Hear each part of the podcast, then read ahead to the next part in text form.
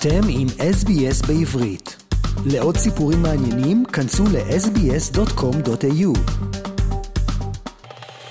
לאור האירועים בארץ, מצטרף אלינו כעת אה, דוקטור רן פורט ממלבורן, עמית מחקר ב-AJAC, Australian Israel Jewish Affairs Council, מרצה ומלמד על ישראל והמזרח התיכון באוניברסיטת מונש ובאוניברסיטת מלבורן. שלום רן, ותודה שאתה מצטרף אלינו. שלום עמית, תמיד טוב לדבר איתך למרות הנסיבות. כן, תודה. המצב בארץ כעת לא טוב, וזה דבר שמשפיע על ישראלים רבים ברחבי העולם, וגם אצלנו כאן באוסטרליה. בוא תתן לנו קצת רקע על האירועים שהתרחשו עד עכשיו בארץ, וההשפעה שהיא מביאה לנו, וכמובן ההיענות של הישראלים שמתגוררים באוסטרליה. מה שקרה זה בעצם התפתחות מעניינת שהיא המשך של מה שראינו בחודשים הקרוב, הקודמים על משהו הפוך לגמרי. זאת אומרת, בישראל היה אה, את התוכנית לרפורמה משפטית, הפיכה משפטית, תלוי בתפיסת עולם שלך,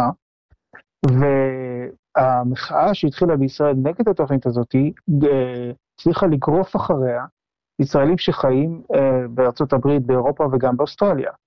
זאת אומרת, פעם ראשונה ראינו אה, מעורבות ישראלית אה, מעוגנת או מעוגנת למחצה באופן רשמי או לא רשמי, בניסיון להשפיע על מה שקורה בתוך ישראל, מעורבות פוליטית, שזה סימן בחקר של תפוצות, זה סימן למעבר של אה, קהילה שחיה מחוץ למדינת המקור שלה, אה, מעבר ממצב של איזושהי קהילת מהגרים לקהילה, מה שנקרא ethnic community או political diaspora, זאת אומרת תפוצה עם נטיות פוליטיות, מאורגנות, זאת אומרת, המודעות שבעצם לישראלים שחיים מחוץ למדינה יש אה, יכולת להשפיע מה שקורה בישראל, הייתה קיימת עוד קודם בעקבות הסיפור המשפטי. עכשיו אה, קורית התופעה שקורית בהרבה חברות שיש אה, משבר כזה עמוק, התגייסות סביב הדגל, rally around the, flag, so, אז כולם מתגייסים כדי לסייע ולעזור. אני רואה פחות פחות אה, רואים, רואים תנועה גדולה מאוד של ישראלים מאירופה וארצות הברית, אה, אנשי מילואים ואחרים שחוזרים לישראל כדי לנסות אה, להתגייס למלחמה. זה פחות קורה מאוסטרליה מסיבות מובנות, הסיבה הראשונה זה טכנית, אין טיסות או קשה להשיג טיסות. ושתיים, כמות הישראלים פה יחסית נניח לארה"ב היא קטנה. ארה"ב אנחנו מדברים על חצי מיליון, ל-600 אלף, כאן 15 אלף, הרבה מאוד משפחות עם ילדים, זאת אומרת, עם כל הכבוד, אנחנו לא נציל את אה, ישראל.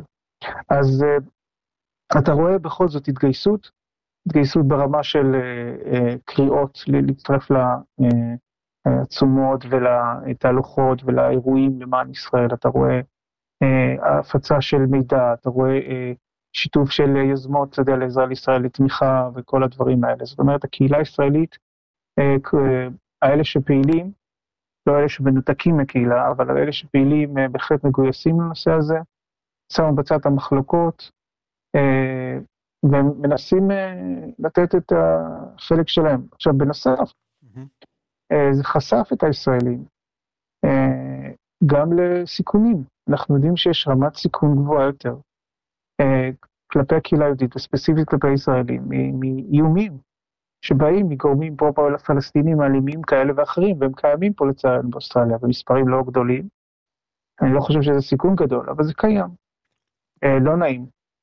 אני אישית נחשפתי לדברים כאלה, זה מאוד לא נעים. למה אנחנו למשל לא רואים כאן התאגדות של ישראלים? ראינו מה שקרה בסידני, בהפגנה פרו-פלסטינית. למה לא רואים מספיק ישראלים שיוצאים מהפגנה הפוכה, הפגנת אה, נגד? הם תומכים, אבל זה, תראה, הרבה מהתמיכה היא מה שאני קוראים וירטואלית, זה לא שהיא לא אמיתית, אבל היא, מתרחב, מתרחשת בעולם הווירטואלי. זה אה, עדכונים אחד של השני, זה העברה של מידע לגופים רלוונטיים כדי שיפעלו, מי שזה פוסט נעצר או משהו כזה. זה שיתוף של אה, איפה אפשר לתרום ואיפה אפשר לעזור. זה הרבה מאוד זעם, זעם כלפי הודעות שנתפסות, למשל, אה, גופים רשמיים מוציאים הודעות לגבי הסכסוך. שמטבע הדברים הם צריכים uh, לשמור על אינטרסים של, של עצמם, והם עושים הודעות שמה שנקראות קצת מאוזנות, כן? אנחנו uh, מזדהים עם הכאב של הישראלים והפלסטינים בעזה, ואנחנו מקווים שיהיה שלום וכל הדברים המאוד uh, טריוויאליים האלה. שאני מבין את המקור שלהם, אבל ישראלים זועמים, למה לא עומדים לצדנו ולמה ולמה ולמה? זה הרבה יותר מורכב מזה. זאת אומרת, יש תמיכה, יש ניסיונות לעזור, יש רצון לעזור, מפיצים מידע, משתפים את ההודעות שיוצאות מישראל וכל מה שצריך, מדברים אני מניח, כמו שאני מדבר עם החברים שלי, הלא ישראלים. אבל זה לא פעולה ישראלית מאורגנת, גם כי אין צורך. לא חושב שיש משהו לעשות, וגם כי מה שיש, משתתפים עם קהילה יהודית, קהילה יהודית עושה הרבה, מה שאפשר. האם בתור חוקר של הישראלים בתפוצות, אתה מרגיש שיכול מאוד להיות שיגיע שינוי מסוים בשבועות, בחודשים, או אפילו בשנים הקרובות, אפקט המלחמה, יגיעו לכאן יותר ישראלים, או אולי הרבה ישראלים ירצו לחזור לישראל. עכשיו כל המשוואה עלולה להשתנות לאור מה שקורה בישראל. שאלה מצוינת. כי ראינו כבר עלייה ברצון של ישראלים, במספרים של ישראלים שמנסים לבדוק הגירה החוצה מישראל עוד לפני, לפני זה כמובן, זה העניין המשפטי, הרפורמה, ההפיכה המשפטית. אה, האם, אה, אה, האם זה יקרה עכשיו בגלל הסכסוך? קשה לדעת. אני כן יודע שמה שנקרא פיקים, או נקודות מקסימום של הגירה בחוץ לישראל, היו הרבה פעמים סביב מלחמות. ב-73 זו דוגמה אחת, מלחמת לבנון הראשונה והשנייה. גל הגדול ביותר של הישראלים שהגיע לאוסטרליה, זה אחרי מלחמת לבנון השנייה, שתחושת הביטחון האישית עלה לעומק. אז ייתכן שאנחנו נראה גל יותר, שוב, גל במונחים אוסטרליים, זה כמה מאות או כמה אלפים בודדים. יכול להיות שזה מה שיקרה. באמת זה שווה לבדוק את זה ולשים לב לזה. מה לפי דעתך יקרה עם הישראלים באוסטרליה אחרי שהמלחמה תסתיים? מה יקרה עם הישראלים אחרי המלחמה הזאת, זאת שאלה חשובה, כיוון שאני, על, על סמך ניסיון העבר, מרגיש שכמה שהמחט נעה לכיוון יותר מעורבות ויותר אכפתיות וזה, עם הזמן זה יחזור והמחט תנוע, תנוע ל... אנחנו חיים פה. זאת אומרת, המעורבות הזאת היא תישאר ברמה מסוימת, כנראה לא גבוהה, ואנשים יחזרו לחיות את החיים שלהם כאן ולא שם. זאת אומרת, הקהילה הישראלית תמשיך להיות לא, לא פורמלית, לא מאורגנת פחות או יותר, אבל כן חזקה באופן דמי עם הרשתות שלה, והקשר עם ישראל ימשיך להיות כמו שהוא מתנהל היום, מרחוק, גם כי יש מרחק פיזי, וגם כי אנשים חיים פה את החיים שלהם, אולי אפילו ישתכנעו, או ירגישו שהם עשו בחירה נכונה מבחינתם אה, לחיות כאן ולא שם. אולי יהיה ייאוש, אני לא יודע, אבל זה שוב דבר שכדאי לעקוב אחריו. כן. הרבה ישראלים נמצאים עכשיו במצוקה מסוימת, כולנו עוקבים אחרי מה שקורה בישראל, חלקנו uh, כמובן לא ישנים בלילות, רוצים להתעדכן במה שקורה, ויש גם כאלו שחוששים, גם uh, בגלל שהם ישראלים וגם בגלל שרואים מה שקורה באוסטרליה, יש איומים על יהודים וישראלים. מה היית ממליץ לישראלים שמאזינים עכשיו לעשות בזמן מצוקה? אני רק יודע שקודם כל יש את הגוף שמגן על הקהילה היהודית, ה-Community Security Group או CSG, שאפשר לפנות אליהם, אפשר למצוא את הפרטים שלהם באינטרנט. אם, אתה, אם מישהו מהמאזינים מרגיש מאוים, או לא בנוח, או רוצה לדווח על משהו, או רוצה להתייעץ, או ראה איזה משהו ברשת שצריך לדווח, אה, הם, הם הכתובת. הגוף השני, אה, או בוא נגיד, המקום השני שאפשר אה, לדבר איתו זה הגופים היהודיים, זה אייג'קס, זה הגוף שאני עובד בשבילו, אבל יש גם את זיוניס קאנסו, או את הליגה למען נגד השמצה של דביר אברמוביץ', זאת אומרת, יש גופים יהודים שעוסקים בזה באופן, או איסאג' בסידני, יש גופים שעוסקים בזה ועוזרים, ואפשר לפנות אליהם, והקהילה היהודית מתארגנת, וזה מה שהיא יכולה. אוקיי, okay, יש לי שאלה אחת אחרונה. אתה היית קצין בצבא. מה אנחנו למדנו מכל הניסיונות העבר של צה"ל עם המלחמות הקודמות? אז אני קצין לשעבר בחטיבת המחקר של אמ"ן. Okay.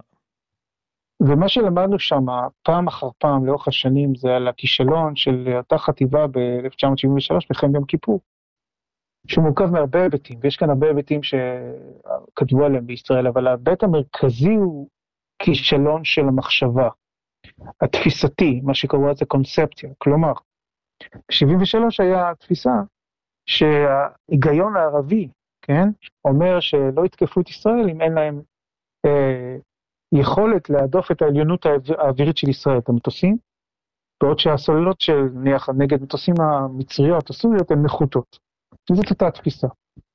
אה, והתברר כלא נכון. אותו דבר קרה פה. מה שקרה פה, ככה זה נראה בשלב הזה, זה שהחמאס מכר לישראל את האשליה של שלום כלכלי. מה זאת אומרת? אם uh, תתנו לפועלים מעזה לצאת לעבוד בישראל, אם תאפשרו חלוקת כסף קטרי למשפחות הנזקקות בעזה, אנחנו נשב בשקט. שקט יענה בשקט, קראו לזה בישראל. כל כך uh, קנו את, את, את, את הסיפור השגוי הזה, שהציבו סביב עזה מצלמות ואמצעים טכנולוגיים, ובנו מכשול תת-קרקעי, מחשבה שכמו שניסו בעבר, תחדור דרך הקרקע. כך יקרה גם הפעם.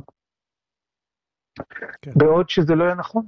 המתקפה, אנחנו יודעים, הייתה מעל הקרקע. לא היה אפילו ניסיון, היה מתקפה מהאוויר. זאת אומרת, היו המון אינדיקציות, המון אינדיקציות, הם uh, נדחו, או היה איזה קהות חושים מלאגד אותם ביחד ולהגיד, רגע, זה חמאס משקר לנו. אנחנו יודעים שחמאס למשל, ברשתות שהם ידעו שצה"ל מאזין, אמרו כל מיני דברים כדי להטעות את האויב. זאת אומרת, מבצע ההונאה היה מאוד מסובך, מאוד uh, מתוחכם, וראוי להערכה מבחינה מודיעינית, אני לא, חלילה לא נותן הערכה לציון על ההתנהגות הברברית שלהם, אבל מבחינה מודיעינית זה מבצע שעוד ילמד, uh, מבית מדרשו של uh, חמאס, חיזבאללה ואיראן, זה ברור שהם נתנו את כל העצות וכל הזה. אז הכישלון היסודי הוא כישלון מחשבתי, ואולי רצון להאמין שזה הסיפור, במקום להתמודד עם הבעיית בעיית היסוד, שחמאס, כמו דאעש, כמו אל-קאעידה, זה ארגון ג'יהאדיסטי. מה שזה אומר זה שהם רוצים בסופו של דבר להשליט את האסלאם על להקים מחדש אימפריה מוסלמית. וישראל זה עצם בגרון שצריך לזרוק ולהרוס ולהשמיד. זה לא גוף רציונלי שאפשר לנהל איתו שיחות uh, בטווח הארוך. בטווח הקצר הם מוכנים לשתוק לשנים, אבל הם רואים את ההיסטוריה במונחים של אלפי שנים, לא במונחים של מחר. בגלל זה לא אכפת להם להקריב עשרות אלפי uh, פלסטינים בשביל זה. כן, לצערנו. כן. כן. זה, זה איך הייתי אומר, זה בקליפת אגוז. אוקיי, okay, דוקטור רן פורט ממלבורן, עמית מחקר ב-AJAC, Australian Israel Jewish Affairs Council, מרצה ומלמד על ישראל והמזרח התיכון באוניברסיטת מונש ובאוניברסיטת מלבורן. תודה רבה על השיחה, רן. תודה, עמית, שיבוא שלום אלינו כבר. רוצים לשמוע עוד סיפורים? האזינו דרך ה Apple Podcast, Google Podcast, Spotify, או בכל מקום אחר בו ניתן להאזין לפודקאסטים.